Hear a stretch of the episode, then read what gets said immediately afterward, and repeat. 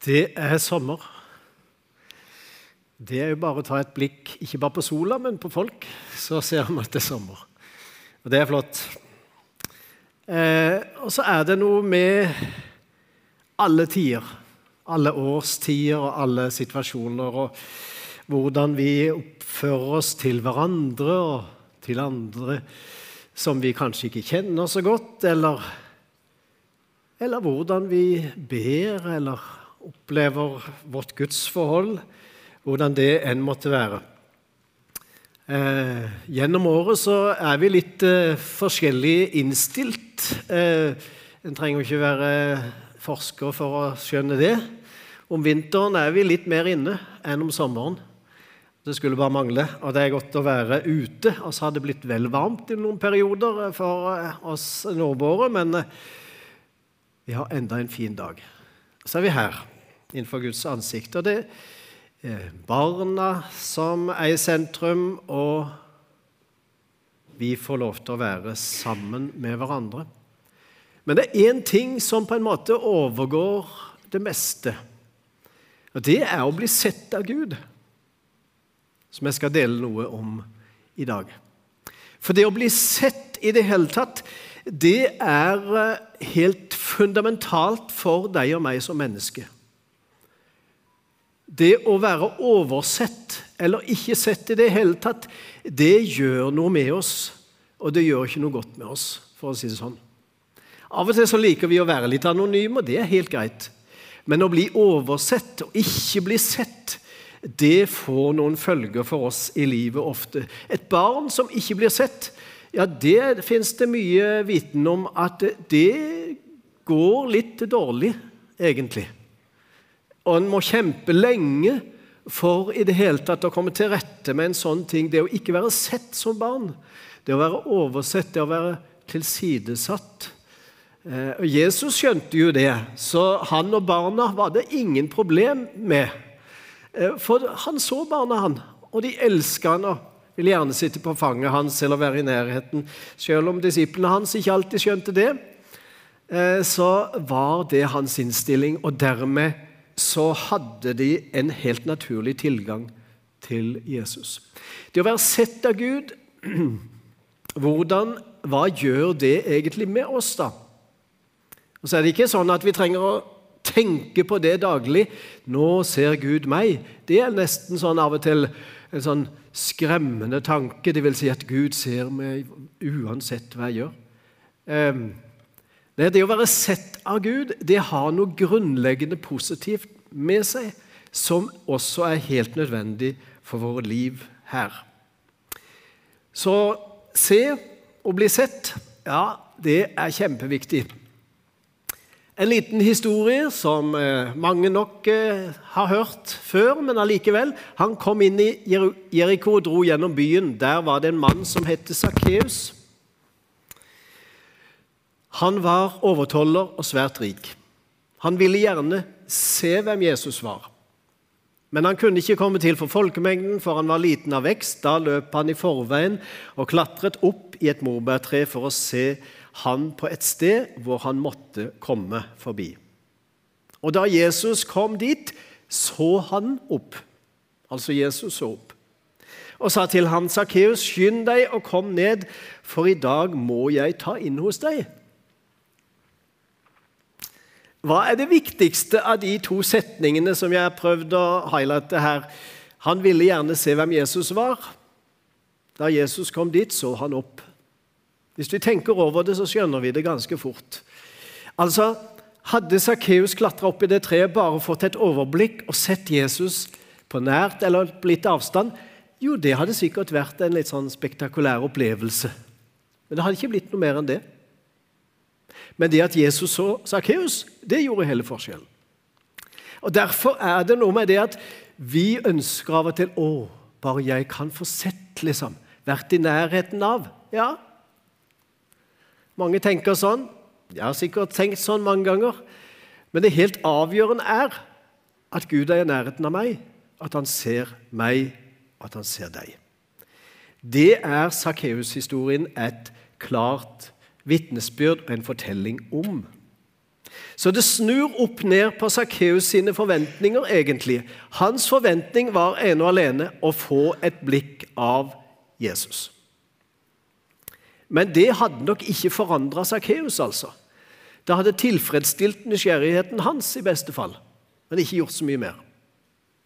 Men det at Jesus og Sakkeus, det gjorde noe annet. Og Slikt kan forandre liv på veldig mange måter. Å bli sett av Gud.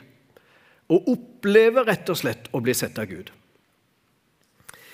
Sakkeus hadde ingen tanke om endring for eksempel, i livet sitt. Han var en småkjeltring. Det vil si at det står noe om det at han var korrupt. Han tok mer enn han skulle. Han var toller. Toller var stort sett forakta, fordi det var sånn penger som folk egentlig ikke likte å betale. Hadde de i hvert fall bare vært rettferdige og tatt akkurat det de skulle, altså skattefolk, så hadde, så hadde det vært på en måte ok. Men han benytta anledningen og tok mye mer, og liksom ingen stoppa han for det. Og Dermed var Sakkeus Han visste hva han drev med. Og Han visste han hadde mørke sider i livet sitt, og han visste hvor han var henne. Eh, og så ser Jesus han. Jesus ble plutselig interessert i han, ser det ut som. Ja, det er noe med det. Jesus hadde nok sett Sakkeus lenge før. Han satt i treet. Jeg kan si Jesus hadde lett han opp allikevel og si, 'Sakkeus, der var du.' Jeg har lett etter det lenge. Nå fant jeg det. Men eh, Sakkeus han klatra opp, han ble synlig. Hva vet vi om hva som skjer når Gud ser oss? Egentlig veldig lite. Og Så har vi mange forklaringer på hva Gud kan gjøre i livet osv. Men vi har egentlig ikke så stor oversikt over hva som skjer når Gud virkelig ser oss og møter oss der vi er. Jeg eh, skal si litt mer om det, altså. For å si ja til Jesus, det kan endre veldig mye. Over til Peter, en av disiplene. Han var fisker, og han hadde opplevd at Jesus sa nå må du kaste nota ut sånn, og så skal du få fisk selv om du har slitt hele natta. For han og alle som var med ham, ble grepet av forferdelse over fangsten de da hadde fått. På samme måte var det med CBDU-sønnene Jakob og Johannes som fisket sammen med Simon, altså Peter. Men Jesus sa til Simon, 'Vær ikke redd, fra nå av skal du fange mennesker.' Så rodde de båten i land, forlot alt og fulgte han. Um, Matteus sier det på sin måte. Han sa til dem, 'Kom og følg meg, så vil jeg gjøre dere til menneskefiskere.' Straks lot de garnet ligge og fulgte han. Jesus kom forbi. Han så de, og så utfordra han de. De ble sett og fikk en utfordring i livet. Og Så sa de ja, og så forlot de alt og fulgte han. Det er radikalt, altså. Å bestemme seg på holdt på å si, på femøringen, og så forlate businessen sin og livsverket sitt, og på en måte det som slekta hadde jobba med i lang tid, og så si nå snur jeg rundt. For det er en som har sett meg og utfordra meg. Og på en måte Der må det være noe helt nytt. Og det var det. Men Peter hadde ingen mulighet til å forstå hva han ble kalt til, og hva som skulle skje i Peters liv. Hva om, Jesus, øh, om Peter hadde sagt nei? Nei, nei, jeg har fulgt opp, ja. Ja, nå ligger sesongen klar. Selv om det ikke ble fisk i natt, så blir det nok i morgen. Og jeg har business og jeg har familie å forsørge og hele pakka. Jeg må være her, så beklager, Jesus. Du får finne noen andre. Ja, Peter hadde fortsatt som fisker, han. Kanskje sånn passe lykkelig menneske oppe i Genesaretsjøen. Men det hadde vært det.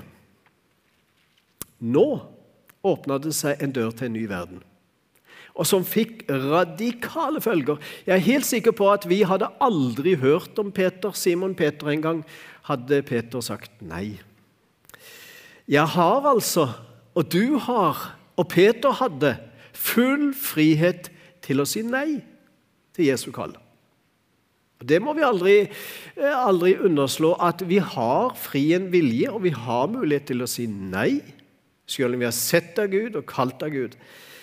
Men da er det meg sjøl som lukker døra til den muligheten av hva Gud kan gjøre i meg og gjennom meg. Og det er en stor forskjell. Jeg tror nesten ikke vi hadde tålt det og sett alt hva da Gud vil gjøre. Det er som med livet ellers, nesten. Vi, vi tåler ikke å se for Altså, vi har mer enn nok med dagen og planene for noen dager i så fall. Selv om vi ikke vet noe om hvordan det går da heller. Men vi hadde ikke tålt å se livet foran oss. Nei. Og det er godt at Gud skapte oss sånn. Vi tåler, tror jeg, heller ikke å se hva Gud vil gjøre i oss og gjennom oss i dager som kommer når vi sier ja til ham. For vi hadde ikke tålt den på en måte belastningen eller begeistringen eller overblikket. Det må bare Gud ha. Men han kaller deg og meg på sin måte og på vår måte. Sier vi ja, så åpner vi en dør holdt på å si, som vi eh, ikke har anelse om hvor fører hen. Det blir i alle fall et nytt type liv. Det er sikkert. Det ble det for Peter. Det ble det for Sakkeus. Det ble det for alle som sa ja til ham. Og Gud gjør gjerne sine store gjerninger gjennom hverdagsmennesker, altså som deg og meg. Jo da, han bruker noen konger av og til, og noen eh, med stor makt, da. men det er unntakene, altså. Han bruker hverdagsmennesker først og fremst, og de tolv første var ganske ordinære hverdagsmennesker. Noen hadde jobb, andre hadde ikke så mye jobb. og Noen hadde litt utdannelse, kanskje, andre hadde i hvert fall gått på synagogen og lærte, lærte ordene. Kanskje de hadde pugga salmene. Var de gutter, så hadde de det.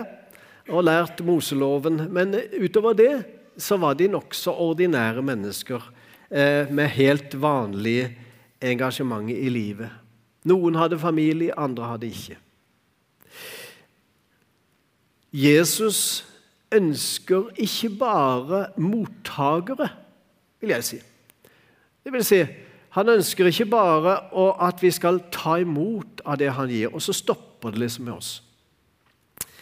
For det fantes mange mottakere i Jesu nærhet, massevis, som bare tok imot, og så gjorde det ingenting med det. For eksempel når Jesus gjorde brødunderet, fem brød og to fisker, og det ble mat til masse mennesker og Så står det at de kom til han seinere òg, for de hadde jo fått en gratis lunsj. Vi tar en til. Selv om jeg ikke trenger å gjøre noe annet enn å høre på han prate, så får jeg i hvert fall et godt måltid som jeg ikke trenger å slite for. Så, så mange var der, altså. Og Så skjedde det ikke noe mer med livet deres for det, nødvendigvis, hvis de ikke tok en utfordring, og Jesus kalte det. Og Det er viktig å forstå forskjellen på mottaker og disippel. Mottaker og etterfølger. Der ligger ofte en stor og viktig forskjell. Mange kom til Jesus for å bli mette, men aldri endra de livet sitt for det.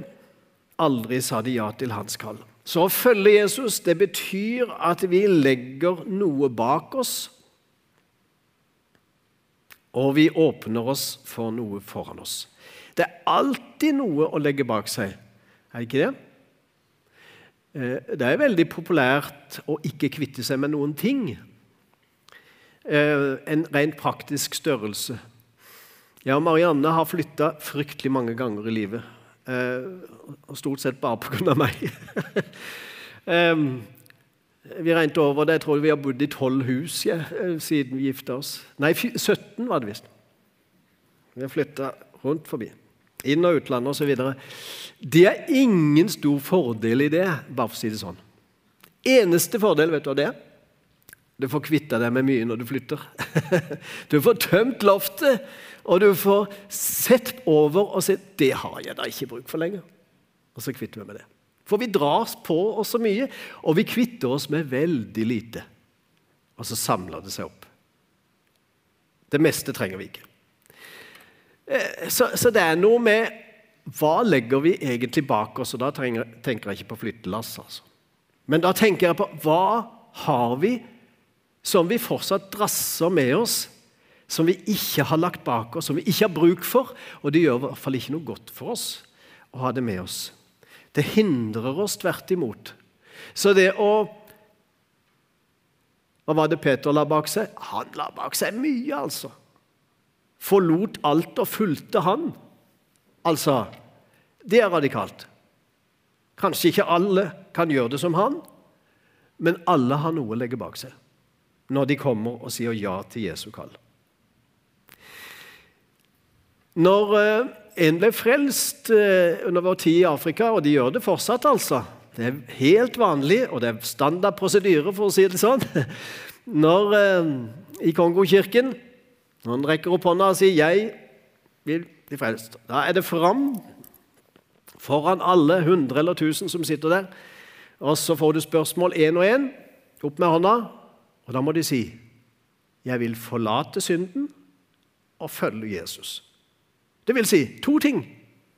Du forlater noe, og du går inn i noe annet. Du blir ikke bare en passiv mottaker, du blir en etterfølger. Og Det gjør noe med de som bekjenner det, altså. Jeg forlater, og jeg følger noe nytt. Det er snuoperasjon. Det er uh, disippelliv. Det er uh, å gå en annen vei. Um, forlater og følger. Uh, slike tror jeg Jesus holdt på å si Jeg skjønner jo at det er glede i himmelen når mennesker sier det. Jeg tror det, altså. At det er noe Oi, nå har de i hvert fall lagt noe bak seg. Og nå ser de en vei, og hele himmelen gleder seg. La oss ta et uh, tilbakeblikk på Det gamle testamentet. Hvordan var det da? Altså før Jesu tid. Før Jesus ble født, og før noen kjente han, uh, så, så hadde de jo en gudsforståelse og et gudsbilde og en gudstilbedelse osv. Uh, hvordan så de på Gud da? Jo, eksempel Profetene, hva ble de kalt? De ble kalt rett og slett seere. Det vil si, de ser noe som ikke vi andre ser. Og så kommer de med det og åpenbarer det slik at vi trenger det. Og Mange profeter de snakka om noe som skulle skje både 100, 200 500 år framover, og enda lenger. Og de døde som profeter, og det har enda ikke skjedd. Men det kom. De var seere. Det vil si, de ser noe langt framme. Det står også om mange som døde. De så det langt framme. Selv om de ikke opplevde de levendes livet, og de hilste det velkommen fra de fått et nytt blikk. Um, Gud har et, uh, Navnene på Gud er mangfoldige, for å si det sånn, gjennom Bibelen. I Det gamle testamentet Nytestamentet. Spesielt i Det gamle testamentet så åpenbarer Gud seg på mange måter. og Da får Gud, blir det satt navn på Gud. Eh, hebraiske navn som eh, vi finner i Det gamle testamentet. Ett av de navnene er El Roi. Gud som ser. Det kommer rett og slett fra historien med Hagar. Hvem var Hagar? Jo, var trellkvinnen til Abraham. Eh, for Sara var gammel og kunne ikke få barn sånn uten videre. Eh, og så fikk Abraham barn med trellkvinnen Hagar. Så fikk hun Ismael. Men så ble Sara så eitrende misunnelig på henne at hun jagde henne av gårde. Så det var konflikter i familien og fler, flerkoneri på den tida. Det gikk ikke stille for seg. Eh, så det, det er kanskje ikke anbefalt for noen, ikke i denne verden heller. Altså, det... Og så rømte hun. Stakk hun av. Orka ikke mer. Og så møter Gud Hagar. Så sier Gud til Hagar, 'Jeg skal ta meg av deg òg. Hvorfor rømmer du?' Så kommer dette. Da satte hun dette navnet på Herren som hadde talt til henne. Du er en Gud som ser meg. Det er flotte ord, altså. Elroi. For hun sa, har jeg her virkelig sett Han som ser meg? Altså, Har jeg fått se han som ser meg? Han ser meg, altså. Men jeg til og med har fått et blikk på ham. Derfor kalte man bønnen for Lahai Roi. Brønnen den ligger mellom Kadesh og Beret. Altså en helt konkret størrelse. Det var fysisk. Der skjedde det. Gud som ser. Gud er en som ser, enten det var for tusenvis av år siden i Det gamle testamentet, helt opp til i dag. Jesus så mennesker, han kalte de, og Gud ser fortsatt deg og meg. Er det godt å tenke på? Er det utfordrende å tenke på? Er det skummelt å tenke på? Jeg tror det er kjempeviktig og avgjørende at Gud ser deg og meg. For hadde han ikke sett oss, så hadde vi fått en skade i livet som skapning. Da hadde vi vært oversett. Gud overser ingen. Jobb. En av gammeltestamentlige forfattere sier det er løgn at ikke Gud hører at den veldige ikke ser. Det er ren løgn. Selv når du sier at du ikke ser han, ser han din sak. Bare vent på han. Det sier Jobb. Så ikke vær i tvil. Og Jobb, han var en kar som hadde mer enn nok grunn til å si at 'nå orker jeg ikke mer'. Nå får det være nok. Og han sier mye om det i sine kapitler i, i boka han har skrevet. Men på slutten må han erkjenne at selv når du ikke ser ham, så ser han din sak. Jo da, Gud ser meg gjennom smerter, gjennom problemer og gjennom alt. Jeg er ikke i tvil lenger. Gud ser min sak. Tror du på det? At Gud ser din sak? Kanskje den som ingen vet om, men som bare du går og bærer på. Han ser deg, og han ser din sak. En av navnene eller benevnelsene på Den hellige ånd det er jo advokat. Altså en som taler din sak for Faderen, står det. Altså en som tar saken din det er ikke lett å stå alene. I hvert fall ikke innenfor noe stort og hellig. Den hellige ånd gjør det for deg. Du er sett. Gud ser deg, og han ser meg. En liten historie fra eget liv som ble betydningsfull, og som er et av de byggesteinene som jeg kjenner var kjempeviktig akkurat da, og som bar meg et stykke videre. Jeg var 12-13 år. Jeg ble utfordra en dag av en voksen kar i Frikirka i Øvrebø. Hvor vi gikk, og jeg hadde gått på søndagsskolen og var liksom i bibelklassen. og eh, var i det øvre sjiktet der av de eldre. da, og så, eh, så sa han du, vi skal starte en gutteklubb. Og Det var sånn en gutteklubb som, som lagde saker og ting Eh, gjennom et år, og så hadde vi en basar på høsten, og så skulle pengene gå til misjonen. Det var tradisjonelt og greit.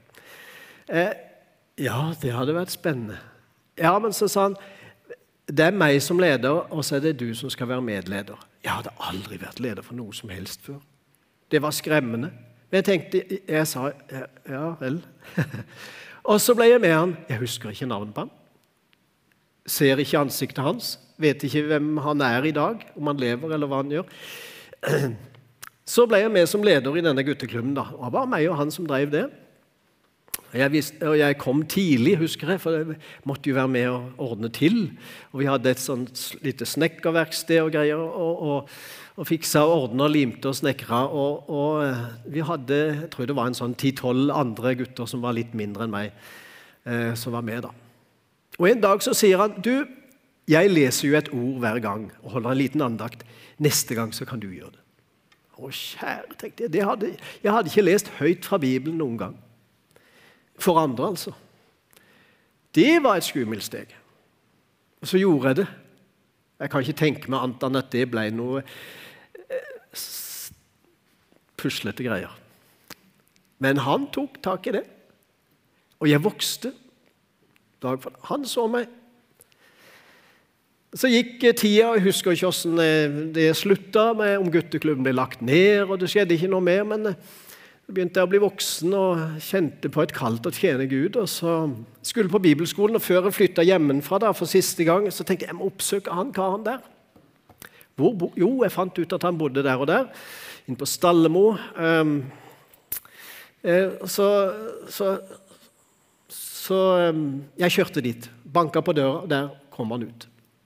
Og Så sa jeg, 'Husker du at du utfordra meg på det der og der?' 'Jeg vil bare takke deg for at, jeg, for at du gjorde det.'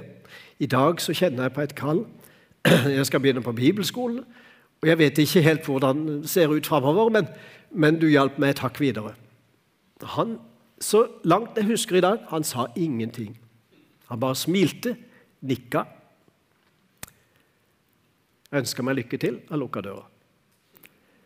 Og det var det.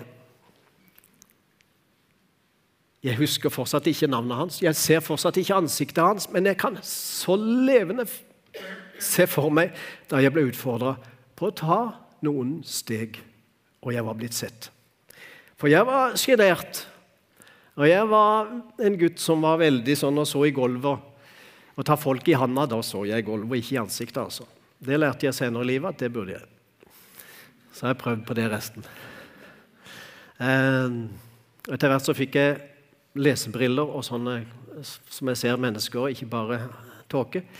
Eh, så nå er det fint å se mennesker igjen. Men det var noen som så meg. Og jeg tenker at jo, det var en god byggestein i en retning som Gud ville ha meg. Og så vet jeg at den avgjørende, det er at Gud har sett meg.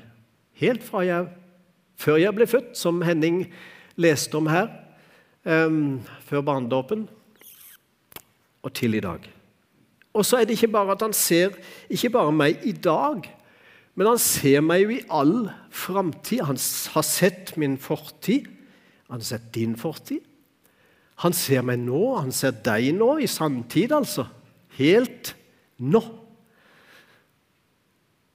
Så ser jo ikke jeg framtida, hvor jeg er der, eh, og gammel jeg skal bli osv. Har ikke peiling. Eh, men Gud ser det.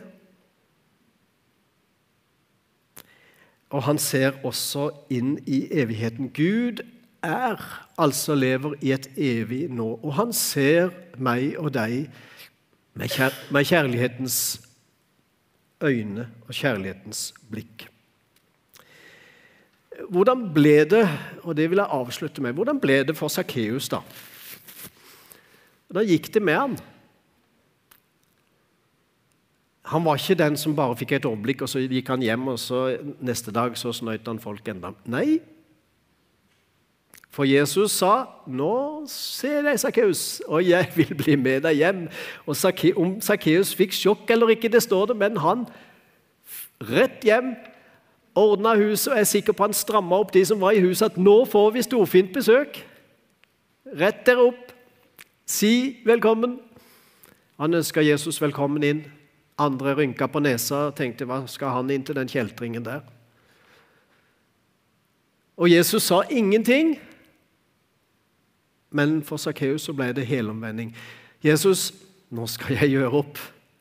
Firedobbelt av det jeg har tatt for mye fra folk, skal de få tilbake. Og det var god rente, altså. Det var ikke bare rente, det var store utdelinger, det. Og halvdelene gir jeg til de fattige uansett, altså. Formue eller ikke. Bort med den. Nå skal det bli orden i mitt liv. For Jesus har sett meg, og han har besøkt meg og han har åpna en ny vei. Så står det ikke mer om Sakkeus. Hva ble han? Ble han en disippel? En av de 70, eller en av større mengde? For det var jo til og med en toller i disippelflokken òg. Eh, som hadde forlatt alt og fulgt Jesus. Så kanskje han fikk noen å prate med blant disiplene. Du, Åssen er det å følge han der? der? Vi har jo liksom samme bakgrunn her. Vi kan bare fundere. Det som er helt sikkert, at alle steder der det står, enten det er Jesus eller i Det gamle testamentet, at Gud åpenbarer seg, og mennesker blir sett, så skjer det noe med mennesker. Og alltid når de sier 'ja, jeg følger deg'. Jeg takker for at du ser meg, og her er jeg, Gud. Det er jo situasjonen vi har i dag. Gud ser deg og meg. Om du sier 'takk, det er greit', 'jeg holder meg på avstand', ok, det er ditt valg. Sier du 'ja, jeg går inn i det du har for meg', jeg vet ikke hva det blir, har ikke anelse, for det hadde ikke de før heller, men jeg satser på deg, Jesus. Da satser du på Han som har skapt himmel og jord.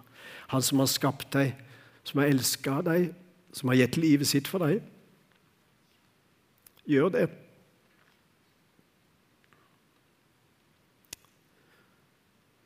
Gjør det.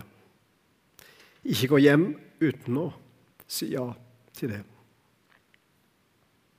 Skal vi be. Herre, takk for dine gode ord.